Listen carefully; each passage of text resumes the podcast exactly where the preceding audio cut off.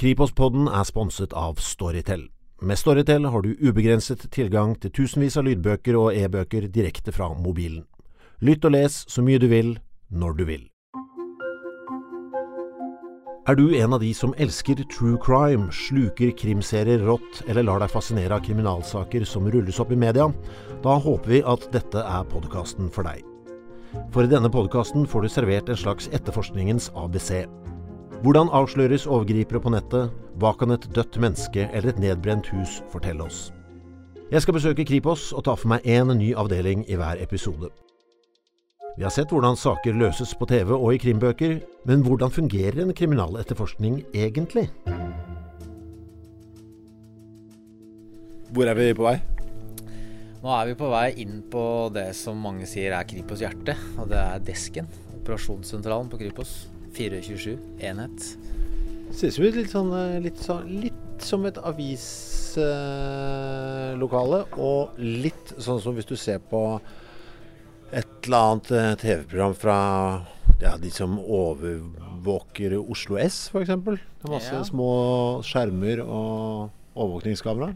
Det er kanskje derfor det ble kalt Desken i sin tid, da, i og med at det er litt henta fra avisene. Mm. Uh, det er liksom ikke en typisk operasjonssentral der du har en flåtestyrke med patruljebiler ute som du styrer, men det er mer sånn informasjons... Uh, uh, en informasjonsenhet. da. Det damper her når, uh, når, det har skjedd store ting, sånn som ta tsunamien, ta 22.07. Mm. Så er det et veldig trøkk i, i, gangene akkurat her. Så da er det mer puls enn en akkurat nå. Dette er politioverbetjent Philip Fossnes. Han jobber i den nasjonale ID-gruppen på Kripos. Den nasjonale ID-gruppen på Kripos ble opprettet i kjølvannet av togulykken ved 13 stasjon i 1975, der to tog med til sammen 800 passasjerer kolliderte. 27 mennesker døde og 25 ble skadet. Ulykken gjorde klart at Norge trengte kompetanse til å hanskes med lignende hendelser i fremtiden. ID-gruppens oppgave er å fastslå identiteten til ofre når flere mennesker omkommer samtidig terroristangrep i Amenas, Utøya eller tsunamien i Thailand. På alle disse stedene har ID-gruppa hatt ansvaret for identifiseringen av de omkomne. Hva er det som er din jobb uh, oppi dette, hvis det skjer noe? Jeg har uh, i stor grad hatt mye med de pårørende å gjøre. I forbindelse med at de er veldig sentrale for å skaffe informasjon som gir både deg og oss svar om hvem de døde faktisk er. Uh, I hvor stor grad møter du folk som er i en eller annen form for sjokk? Det er klart, Sånn som 22.07, så, så er det jo mye sjokk. Mm. Det, er, det, er, jo ingen tvil om det. Og det er jo, vil jo være rart hvis uh, uh, man ikke ser den. Og, og, det gjelder jo for så vidt brå, uventa hendelser da, som fører til massedød. Det, det, er, det er jo et sjokk for de som blir involvert. Og sånn sett så tror jeg ikke det blir veldig feil å si at uh, det er naturlig å oppleve. I hvor stor grad er du den første de pårørende møter? Vi prøver å komme inn så tidlig som mulig, men igjen, det er timing, da. I forhold til ta, ta Inamenas. Der var det jo Hva var det for en sak? Det var den i den Statoil uh, installasjonen i Algerie som ble angrepet av terrorister. Og der var det jo et gisseldrama ikke sant, over noen dager. Og noen nordmenn klarte jo å rømme fra installasjonen, ikke sant. Så da er spørsmålet når er timingen for å dra og snakke med de som fortsatt savner sine, ikke sant. Det er liksom en del av den pakka som, som vi må vurdere. Du må jo oppleve da, at når du kommer inn i dette rommet, så er jo du på en måte eh, Du representerer jo håpet på en eller annen måte for, vil jeg tro, for en del av uh, de pårørende. Kjenner du noe på det? Jeg veit ikke om, uh, om jeg håper, altså. Uh, fordi jeg tror mange tenker at vi er alvoret. Mm. Det som er, er vanskelig i ordets rette forstand, det er jo når du står overfor en familie Uh, hvor det er veldig store forskjeller på de som står der. Altså Du har alt fra kanskje en lillebror som har mista storebroren sin. Uh, du har foreldre, du har uh, besteforeldre, du har tanter og onkler som står nær. Og noen er jo da har skjønt og, og, er klar over alvoret i situasjonen, mens andre da har helt klart et håp om at eh, vedkommende kommer tilbake inn i live. Så det å kommunisere da eh, med en sånn familie eh, det kan være krevende i den forstand at du veit ikke helt om du skal snakke med vedkommende eller den familien om vedkommende i fortid, eller om du skal snakke om den som en lever osv. Det, er en, det kan være en veldig Det er en veldig balansegang. Hva gjør du da? Snakker du om Velger du fortid, eller velger du ja, du, du, Det blir litt sånn å kjenne og føle på situasjonen om det faktisk er en, en sånn situasjon, og det, det, kan det, det kan det være flere ganger. Og da, da er det å, å, ikke snakke så mye om uh, vedkommende i fortid, slik at du Så lenge du ikke veit 100 sjøl, altså, så, så burde du i hvert fall ikke frata håpet der og da. Så at alle de pårørende er på dette pårørendesenteret, er det da fram å si familien Andersen, nå er det dere, Trekke de inn i et rom? og så begynne? Ja, det er litt sånn. Altså, at de sitter samla, og så forklarer vi hvordan arbeidet skal fungere. Og så har vi dedikerte kollegaer som skal da ta den samtalen med dem. Uh, og da er det de som har mest mulig informasjon, da, uh, som blir med inn i et uh, lukka rom, og man tar den samtalen, sikrer de prøvene som eventuelt skal sikres, og så da få sendt den informasjonen videre. Men sånn praktisk, hvis du har en familie med uh, mor, far, to barn, uh, og så er det da et eller annet femte medlem vi ikke vet hvor er, eller om jeg lever eller ikke. Mm. er det best å ha alle fire i samme rommet og snakke med dem sammen, eller er det best å trekke dem ut én og én? Nei, vi, vi, er veldig sånn uh, opp til hva familien sjøl ønsker. Så uh, ofte så er det flere. Men Husker man bedre sammen, eller, man, eller man, kan man rote seg inn i noe felles galt? Nei, altså, altså i vitne, Når man skal ta vitneavhør, så er det jo én og én om gangen. Det er jo helt klart uh, i vanlige saker. Men dette her er mer for å skal, få fort informasjon da, om, om, eh, detaljer knytta til den som er savna. Og vi opplever at uh, ved at de kan være sammen og uh, snakke om den de, de savner, så er det noe som er godt for dem. Så lenge det oppleves som en positiv ting for de berørte, så, så uh, har vi uh, ingen problemer med at det er flere pårørende som sitter og deler informasjon om, uh, om detaljer. Altså. Har du sånn inntrykk av at folk, når du møter, vet vi, Har vi informasjonen klar i huet? Den du etterspør? Altså, hvis det hadde vært en togulykke nå, da, og kona mi var der tror du jeg hadde hatt den informasjonen jeg trenger? I, det, det, spørs, det, spørs, det er veldig forskjell på Du, du kan jo tenke det sjøl. Uh, ja, jeg ser på at jeg har det ikke. Nei, hva, nei. hva, har du på deg? Og jeg ja, hadde ja, ikke sett for meg ja. at jeg har det. Det er, ofte, det er ofte kvinner er de beste vitnene. For å kalle det beste kilden informasjon. En mor som, eh, som f.eks. skal snakke om barnet sitt. ikke sant? Så så har de veldig sterke og klare bilder og god informasjon sant, om detaljer. Som vil være veldig viktig for oss. Det er ofte det at eh, barn uh, har gode detaljer. Uh, og, og, viktige detaljer for det arbeidet vi skal gjøre i ettertid. Så de hjelper oss mye. Åssen da? Husker de andre ting?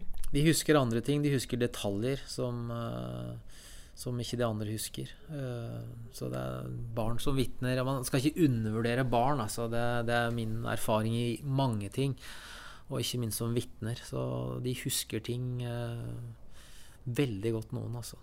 Jeg, jo, jeg, husker jo helt ekstremt dårlig. Jeg husker ikke hva jeg spiste til middag i mm. forgårs. Men hvis jeg hadde vært eh, Har du noe inntrykk av at vi faktisk husker bedre enn vi tror, eller dårligere enn vi tror?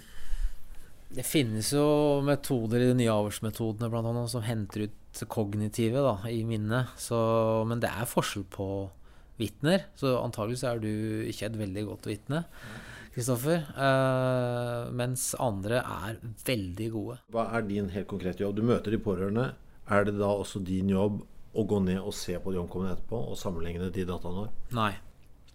Så de døde, de som jobber med de døde, de driver på ett punkt. Vi som jobber med familiene og informasjon som skal sammenlignes. Vi jobber på et annet punkt. Og alt det av informasjon begge plasser går til den ID-sentralen, som da gjør jobben med identifisering. Men er det sånn at du da ofte må tilbake igjen til familien? For du får beskjed Kan du høre om eh, vedkommende hadde en sånn og sånn og sånn? Ja. I noen tilfeller er det sånn, ja. Mm. Og uh, kanskje ikke alle de rette, kan du si, eller de pårørende som man trenger DNA-referanse fra, er tilgjengelig ikke sant, der og da. Så det, det, det er et arbeid som kan være tidkrevende pga. Uh, tilgjengelighet. da. Hvis du da får den beskjeden, kan du spørre øh, vedkommende eller spørre familien om hadde avdøde en tatovering der og der, mm. og de svarer bekreftende ja. Er det da du som må fortelle dem, gi dem budskapet der og da? Vet du hva vi har funnet?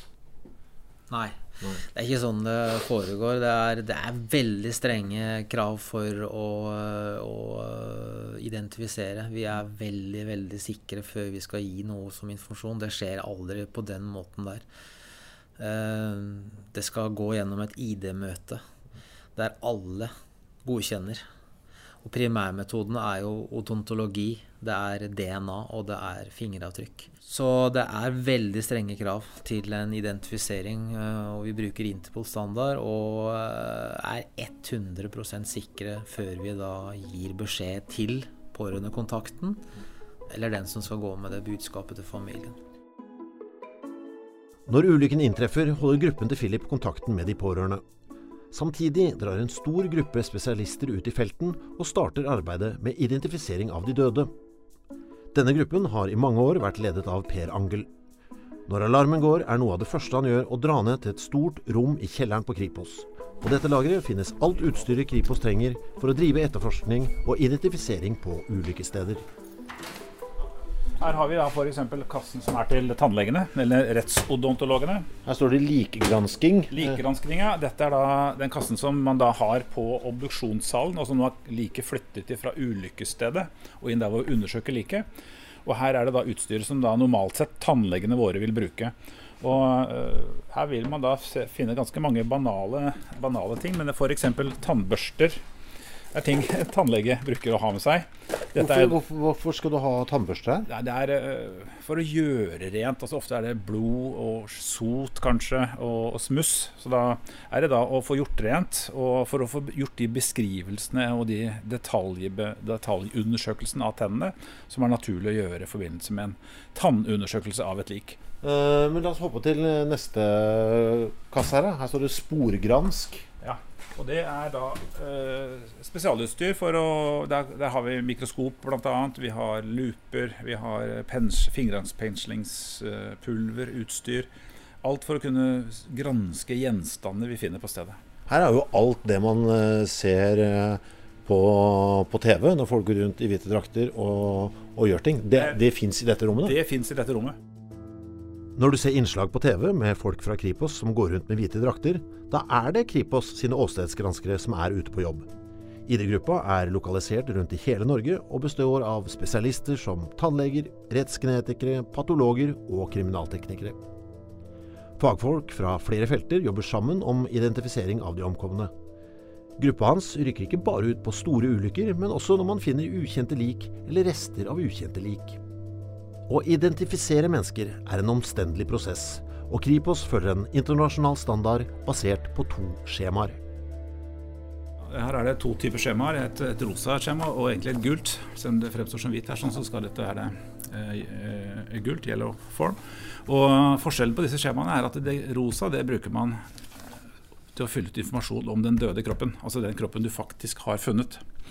Den, eh, det hvite eller det gule skjemaet her, det inneholder informasjon om den kroppen du savner. Så De to skal da helst matche på et tidspunkt? Ja. Nå ser jeg jo da på uh... Ante Morten, det er den savnede, altså opplysninger om den savnede.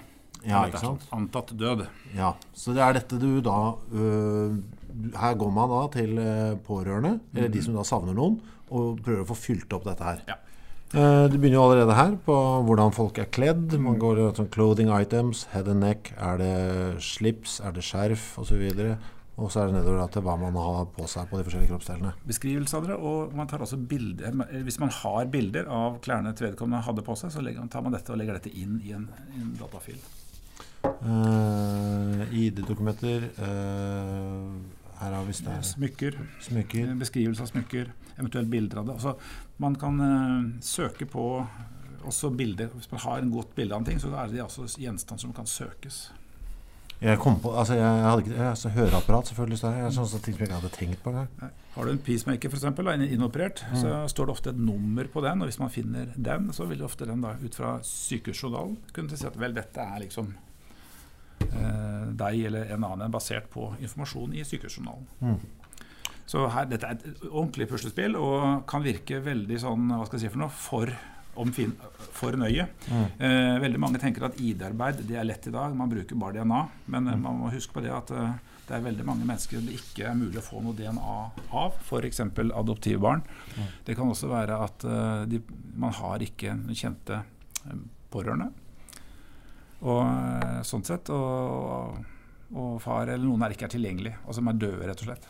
Men når du går gjennom dette skjemaet, Er det noen ting som folk alltid har problemer med? Jeg ser på, på Hvis jeg skulle beskrevet uh, f.eks. da nekk uh, altså, uh, Det er klart at uh, Det er veldig spesifikt. Det er veldig spesifikt, og ja. man må absolutt ikke bruke alt her. Men, men som sagt, i de sakene hvor man da har vansker med å få inn de tradisjonelle ID-kriteriene, f.eks. DNA eller tenner eller fingeravtrykk, man ikke om å bruke andre ting. Da, så er det viktig å få gode beskrivelser av f.eks. skavanker eller eh, særegenheter. For det er faktisk søkbart. Altså Har du en, en eh, beskrivelse av en, en, eh, på sin skjev rygg, så mm. kan du søke på skjev rygg. Og så får du opp de døde som har skjev rygg. Mm.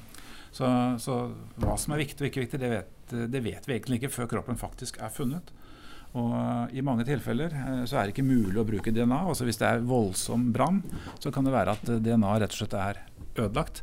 Men hvis du da kanskje finner en protese, en, en ledd, hofteledd eller et eller annet annet, som da sitter i den kroppen, og du har en, en beskrivelse av sykehusjournalen i dette systemet, ja vel, så kan du si at vel, nå er vi sikre. Det er riktig kropp som er funnet.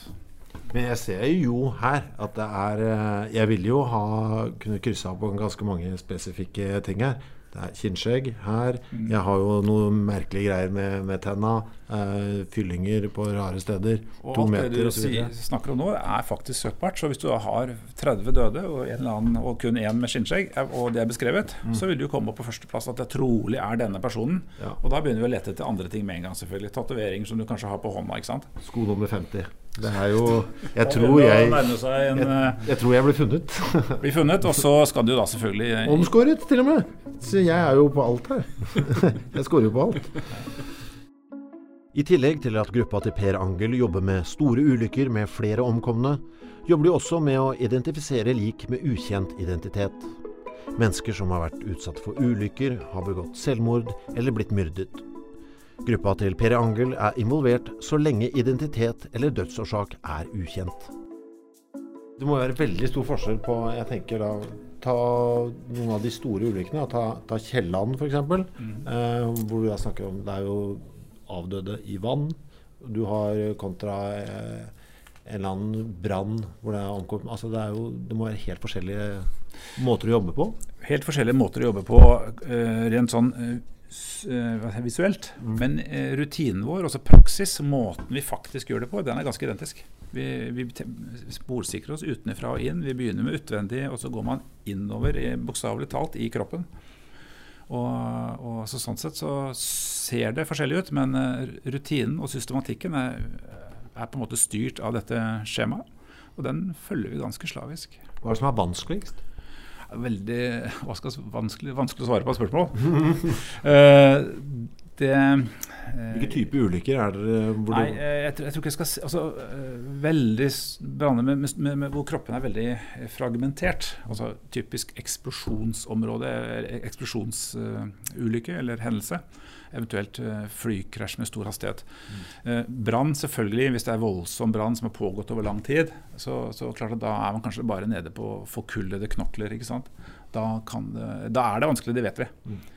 Men uh, som sagt, de aller, aller fleste sakene, de, selv om kroppen ser ille ut uh, og fremstår som ille, så er det disse tradisjonelle metodene som, som går igjen da i form av søk. Det skal være veldig degradert før man ikke får til en DNA-profil. Så Sånn sett så ville det vært en fordel for oss å hatt en nasjonal DNA-bank med tanke på ID-saker. Men det, det, er jo sensitivt å ha alle i en DNA-bank i Norge i dag, så det er nok en stund frem. Men det er klart at det, i de tilfellene hvor kroppen er uh, gått i oppløsning, og kanskje bare er knokler, så er det nesten det uh, det eneste du kan bruke, eventuelt med tanninformasjon. Da. Det virker ikke som det vanskeligste for dere må være de som ikke har noen pårørende i det hele tatt. Ja. Hvordan, hvordan, går man fram da? Et godt spørsmål. Vi gjør da en grundig likeundersøkelse jf. dette rød-rosa skjemaet følger alle punktene til punkt og prikke. og Så vil vi da gjøre et søk i vårt samtregister. og Hvis vi da får negativt søk, så vil vi søke Interpol. Eh, men eh, som sagt, vi har ikke noen garanti for at vi ikke får noe hit der heller. Og vi vet jo det at det er mange mennesker som rett og slett ikke blir meldt savna. Og, og, nøkkelen for å bli identifisert er at du er meldt savna, og at man har henta inn denne savnet informasjonen, altså dette ante mortem-informasjonen. Det er vår helt, vi er helt avhengig av for å lykkes. Hvor mange er det som uh, forblir uidentifisert? Uh, altså, Norge er det ikke mange. Vi har, jeg tror vi har 14, ca. Ja, vi, har vi, har 15 kropper eller kroppsdeler i Norge som ikke er identifisert siden 1947. Siden 1947? Ja. Og, og, mange av disse er nok vesentlig eldre enn 47. Altså det er kanskje flere hundre år gammelt. Vi vet ikke hvor gammelt. Det er knok på knokkelnivå. Ikke hele kropper alt sammen, men noen, noen har funnet en skalle, uh, menneskelig skalle. Og så kommer til ID-gruppa, og så prøver vi å gjøre en undersøkelse av den. Og det er jo begrensa hva vi får ut av en skalle. Kanskje litt tanninformasjon, kanskje en DNA-profil. Eh, veldig mange av disse sakene har vi ikke DNA heller, fordi det er eh, trolig veldig, veldig gammelt. Og sånn sett så vil vi aldri få de ut av registeret. De vil ligge der som støy, kall det det. Mm. Men de fleste hva skal jeg si for noe, ferske lik, de identifiserer vi. Det er veldig sjelden at vi ikke gjør det. Hva er det som oftest uh, frambringer en identifikasjon på de du ikke har pårørende på? Nei, det, det er helt avgjørende å ha gode, savnet informasjon. Mm. Og har man ikke det, så klarer vi det ikke. Enkelt og greit. Noen uh, som blir da dømt uh, eller er involvert ikke involvert, men som er dømt, sikta og dømt for straffbar handling, vil bli, kunne lagt inn i fingeravtrykksregisteret og DNA-registeret. Også foto med bilde av deg og beskrivelse av tatoveringer og sånne ting. Så lenge du er der, og du, la til du dør, så vil vi kunne identifisere deg basert på det registeret. Så vi vil jo da søke er du da i vårt fingeravtrykksregister. Og da vil du kunne få en hit. Jo, der ligger den inne. Er det noe man tillater sjøl? At eh, man må gi tillatelse til? å bli liggende Nei, det, det, er, det er såkalt lovlig bruk av registeret, altså opp mot uh, sjekk av døde mennesker. Mm. Så det er ikke noe lure med det. Det er et register som er lovlig, og det kan man da bruke opp mot uh, an, døde mennesker. Jeg kan jo si at I passet ditt så ligger det et fingeravtrykk. Men det, det fingeravtrykket ligger kun i ditt pass. Det ligger ikke i noe register. Det ligger kun i register i den tiden det tar fra du har vært i foto- eller passboksen til passet er lagd. I det øyeblikket passet er produsert, chipen som er i passet, så blir det sletta. Så det har vært kjempefint hvis vi kunne fått ut en sånn eh, fingeravtrykksdatabase på de kroppene som er hele og fine, men den finnes altså ikke. Så skal vi bruke det fingeravtrykket, så må vi ha passet ditt også. Da kan vi få lest ut Eh, ditt fingeravtrykk i det passet. Altså hvis, du, hvis du er sannhet, og vi går til dine foreldre og henter DNA fra mor og far, så vil vi kunne konstruere din DNA-profil. Eller for å si på en måte, hvis vi har DNA-profilen til din mor, så vil vi kunne si at du er sønn av din mor. Eh, vi vil ikke kunne skille to brødre, så hvis det er to brødre som da dør, så vil dere i prinsippet ha samme DNA-relasjon mot mor. Vi opplever av og til at uh, vi drar i gang en såkalt farskapssak. At far er ikke far. Så vi prøver alltid å nærme oss uh, morssiden ved mulig. Og det er nettopp for å slippe sånne situasjoner. Det siste en familie trenger liksom på dødsdagen eller på begravelsesdagen, det er liksom en, en farskapssak. Har det skjedd? Eh, vi har hatt eksempler på hvor vi har avdekket at det har vært kall det feil opplysninger om far. Eller ikke feil opplysninger, men altså at far er ikke far. Eh, og det er klart at da, da, må vi bruke andre kriterier for å identifisere, og det klarer vi eh, stort sett. Det, men dette er jo unntaksvis, altså. Men, eh, men, som sagt, da prøver vi å bruke f.eks. tanninformasjon eller andre kriterier. Har jobben din blitt enklere med, i den tiden vi nå lever i, hvor alle tar bilder av seg sjøl, og det selv ja, 70-åringer tatoverer seg? På mange måter. Altså, det er klart at Tatovering i seg selv er jo et godt søkekriterium, hjelpemiddel. Men, og foto av smykker smykker og eiendeler og sånne ting. Eh, det er klart at det er blitt mer å søke på og i, det er ikke noe tvil om. Men igjen, det er de gamle, gode kriteriene, altså odontologi, fingeravtrykk og genetikk, som på en måte er hovedkriteriet fortsatt. Og sånn vil det nok være. Vi vil nok helt sikkert få ansiktsgjenkjenningsprogrammer og den type ting nå etter hvert som blir gode, som kan brukes, og det ser vi jo konturene av. Og det er klart at det er i hvert fall et kriterium for å grovsortere, altså finne ut hvem kan det være. Og så når vi da har gjort det, så vil vi allikevel gå inn og bruke beskrivelse av eh, medisinske funn eh, som før. Rett og slett de gamle prinsippene. Som jeg sa i stad, det har ikke skjedd så mye egentlig, men som sagt, vi har fått flere hjelpemidler.